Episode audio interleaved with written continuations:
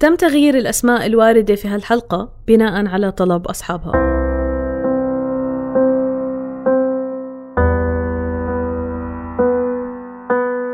منظومه اننا يعني إحنا واقفين مع بعض في الحاجات دي. النهارده أنا ممسوك بكرة أنت هتتمسك الله أعلم يعني.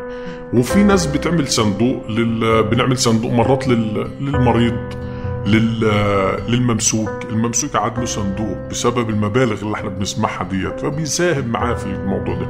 وبيلموا له اللي يسلفه وبعد ما يطلع هو بسدد بقى على سنة على كده يعني. الله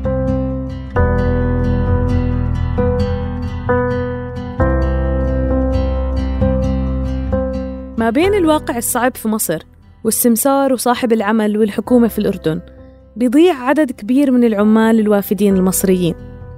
مش منكرين إنهم مخلفين لكن عدد كبير منهم بيسألنا طيب إيش كان لازم أعمل؟ أنا معكم لينا شنك في حلقة جديدة من بودكاست ما العمل اللي بيروي قصص بتحاول توصف واقع مئات الآلاف من الناس اللي عايشين معانا واللي بيعرفوا عنا كتير لكن إحنا ما بنعرف عن تجربتهم ومعاركهم اليومية إلا الأمور القليلة عم نحكي عن العمالة الوافدة هذا البودكاست محاولة للتعرف على العمال في الأردن من منظور مختلف من منظور شخصي. خليكم معنا لتسمعوا أكثر منهم عن طموحاتهم ومخاوفهم وهمومهم.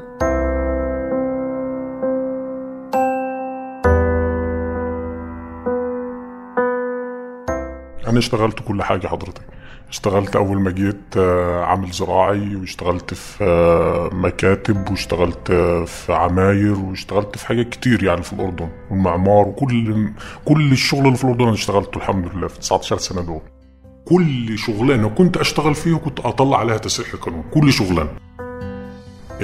آخر تسريح قانوني كان في الفترة هذه والدي توفى أعطيك عمره الله يعطيك عمره. ف اضطريت أروح فاستخرجوا لي لأن ما فيش غير تسريح زراعي. مشكلة التصريح الزراعي اللي بيحكي لنا عنها سامي وهو اسم مستعار لعامل مصري بيشتغل في عمان. هي مشكلة بتهدد عشرات الآلاف من أبناء بلده. معاهم تصاريح عمل بس هاي التصاريح بتسمح لهم يشتغلوا في القطاع الزراعي. وهم فعليا بجوز يكونوا حراس عمارة عمال إنشاءات عاملين في مطاعم ومقاهي أو غيره. يعني هم في الواقع مخالفين بنظر القانون ووزارة العمل ولو ضبطوا فهم أكيد في ورطة. هو إحنا بنيجي. إحنا مثلا أنا لي أخ ابن عمي ابن خالي معرفة. بيكون طالب إنه مثلا يشتغل في الأردن. فبضطر إنه هو يتصل فيه ويقول لي يعني بدي عقد عمل أدخل الأردن. طبعا حاليا ما فيش حاجة اسمها عقد عمل إنشاءات أو أو أي اللي متواجد حاليا عقد عمل زراعي فقط. المفتوح استخدام للزراعي فقط اللي هو السمسار المتواصل مع صاحب العمل. بيكونوا مبلغين بعض بالموضوع ده. ما تجي لي تقول لي ده اتمسك وطلعه ومش طلعه أنا ما إلي فيه. ده 90% بيعملوا الحركة دي. هو بي... عبارة عن تجارة بياخد مثلا ما يعادل فرق سعر مثلا 2000 دينار أو 1700 السمسار بياخد له 200 وده بياخد مثلا. ففي المقابل ان ان أنا ماليش علاقة فيه أنا دخلت الأردن وانتهت علاقتي بيه بعد كده. ما كان سامي بده يمشي بهالطريق. طول عمره ماشي قانوني في الأردن. لكن بسنة 2014 رجع على مصر وكان عنده النية أنه يستقر في بلده. يعيش جنب عائلته المكونة من زوجته وولدين وبنت. يعني لو قد ما كانت العيشة صعبة هناك أكيد بالآخر بدها تزبط. يعني على الأقل هيك كان مفكر. بس الواقع مرة تانية خيب أمله. كنت بدي أفتح أي مصلحة. إن شاء الله محل خضار أشتغل وأعيش منه. إن شاء الله أجيب توك توك زي اللي متواجدين في مصر وأسوق عليه. بس ما ظبطت لا. لأن اضطرينا نشوف إن في الرواتب زي ما هي وال وال والمعيشة في مصر بتغلى أضعاف أضعاف أضعاف. آه حاولت حاولت اشتغلت في 6 أكتوبر هناك شغلانة مشرف في مدينة هناك في منتجع بس ما ظبطت لأن الراتب كان 1500 جنيه. ال 1500 جنيه حضرتك يعني قد إيه؟ حوالي 60 دينار. ده دي المتوسط في أقل من كده وفي أعلى من كده. فما بظبطوش معانا ما توفقناش عشان سوق المعيشة في مصر والعيشة صعبة في مصر شوية فاضطرينا إن إحنا نرجع للأردن لأن أنا بحب الأردن بصراحة كحكومة وكشعب أنا بحبها لأن بقى لي فعلا فترة فيها البلد ديت عندي تعتبر بلد الثانية بصراحة والله. مش كلام إعلام ولا نفاق لا هو ده الصح. آه، اضطريت اني أرجع لها تاني. لما قرر يرجع سامي على الأردن بسنة 2015 ما كان قدامه غير خيار التصريح الزراعي. بحسب الأرقام الواردة في تقرير وزارة العمل لعام 2016 بتشكل العمالة المصرية النسبة الأعلى من العمالة الحاصلة على تصاريح عمل في السوق الأردني توصل النسبة ل 34% تقريبا من إجمالي العمالة الوافدة. وبحسب الأرقام التقريبية اللي بيحكي لنا عنها رئيس مركز بيت العمال الأردني الأمين العام السابق لوزارة العمل حمادة أبو نجمة في بالأردن حوالي مئة ألف عامل بيحملوا تصاريح زراعية. لو كانوا بالفعل بيشتغلوا بالقطاع كنا رح نشوف مشاريع زراعية ضخمة وإنتاج حقيقي بس هذا بيخالف الواقع.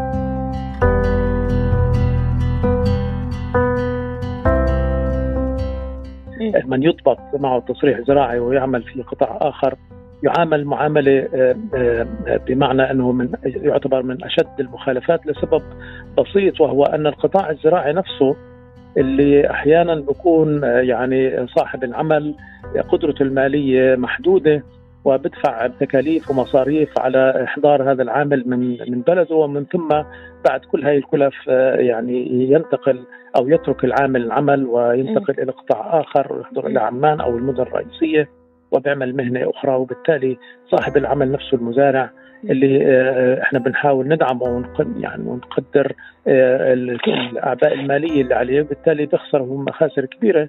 خاصة إذا آه، علمنا أنه أحيانا في السنة الواحدة قد يتركوا عدد من العاملين وليس عامل واحد أو اثنين هذه هذا السبب اللي بيخلي إنه هناك تشدد في التعامل مع العمالة اللي بتكون تصريح الأصل زراعية وتضبط في أعمال أخرى.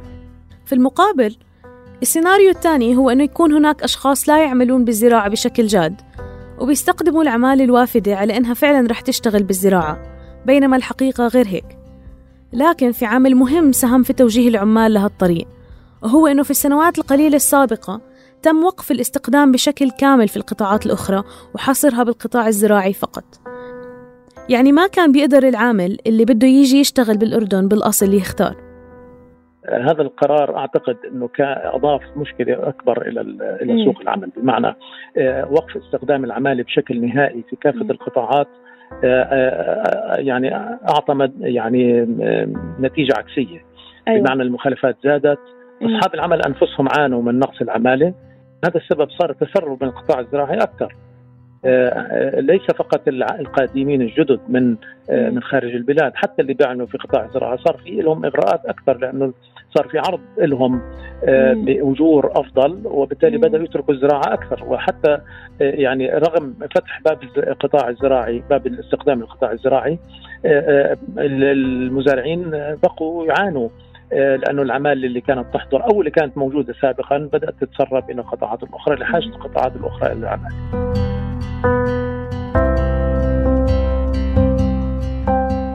بخبرنا سامي إنه انمسك وهو بيشتغل شغل تاني غير الزراعة بس بيعتبر حاله محظوظ كتير أكتر من غيره.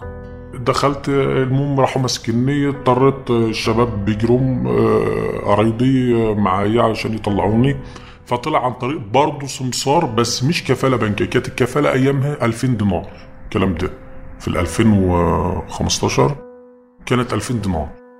فاضطروا إن هم يعملوا لي حاجة اسمها إخلاء سبيل سبيل. كانت ايامها الحمد لله توفقنا والكفل خد ألف دينار وطلع.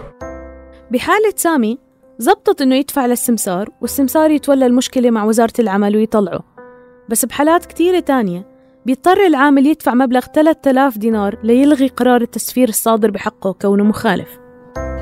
على الرغم من إنه صاحب العمل الأصلي يتحمل المخالفة إلا أنه في الواقع العملي العامل وأصحابه وقرايبه هم اللي بلملموا مصاري من هون ومن هون ليطلع ويحاول يضل بالبلد.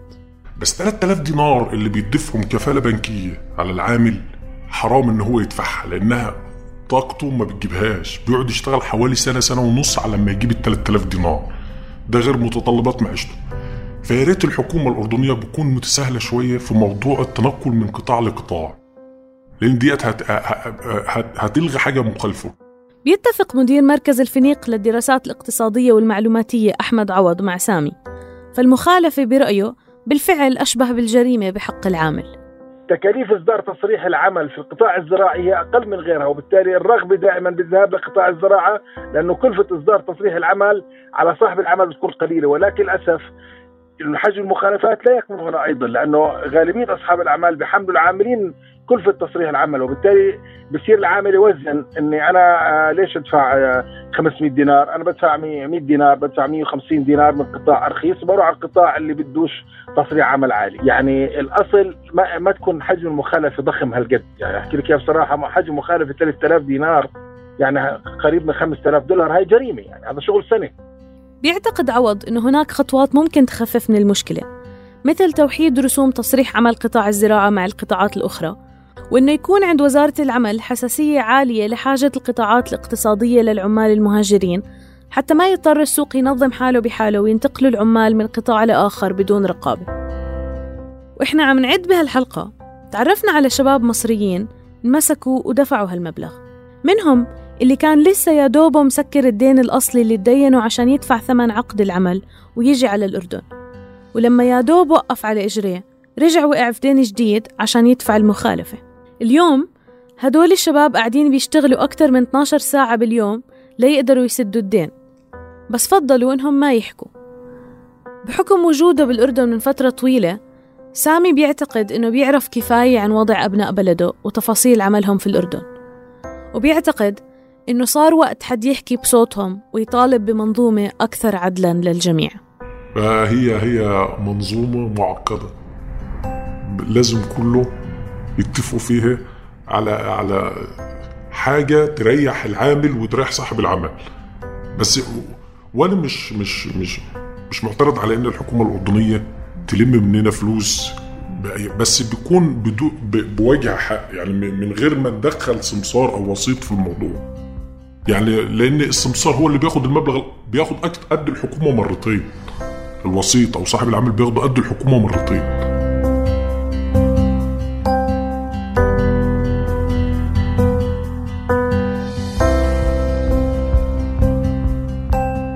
كنا معكم. أنا لينا شنك من الإعداد والتقديم ومحمد حجازي وتيسير قباني من هندسة الصوت. تابعونا على فيسبوك وتويتر لتسمعوا باقي حلقات برنامج ما العمل من إنتاج منصة صوت.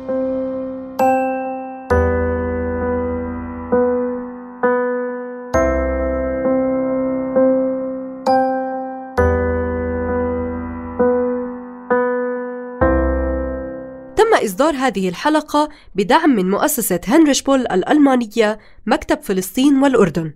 إن محتويات هذه الحلقة هي من مسؤولية صوت وبالتالي لا تعكس بالضرورة وجهة نظر المؤسسة. وما تنسوا الاشتراك في هذا البودكاست ليوصلكم كل جديد. يلا اكبسوا سبسكرايب وتابعونا على صفحاتنا بفيسبوك وتويتر.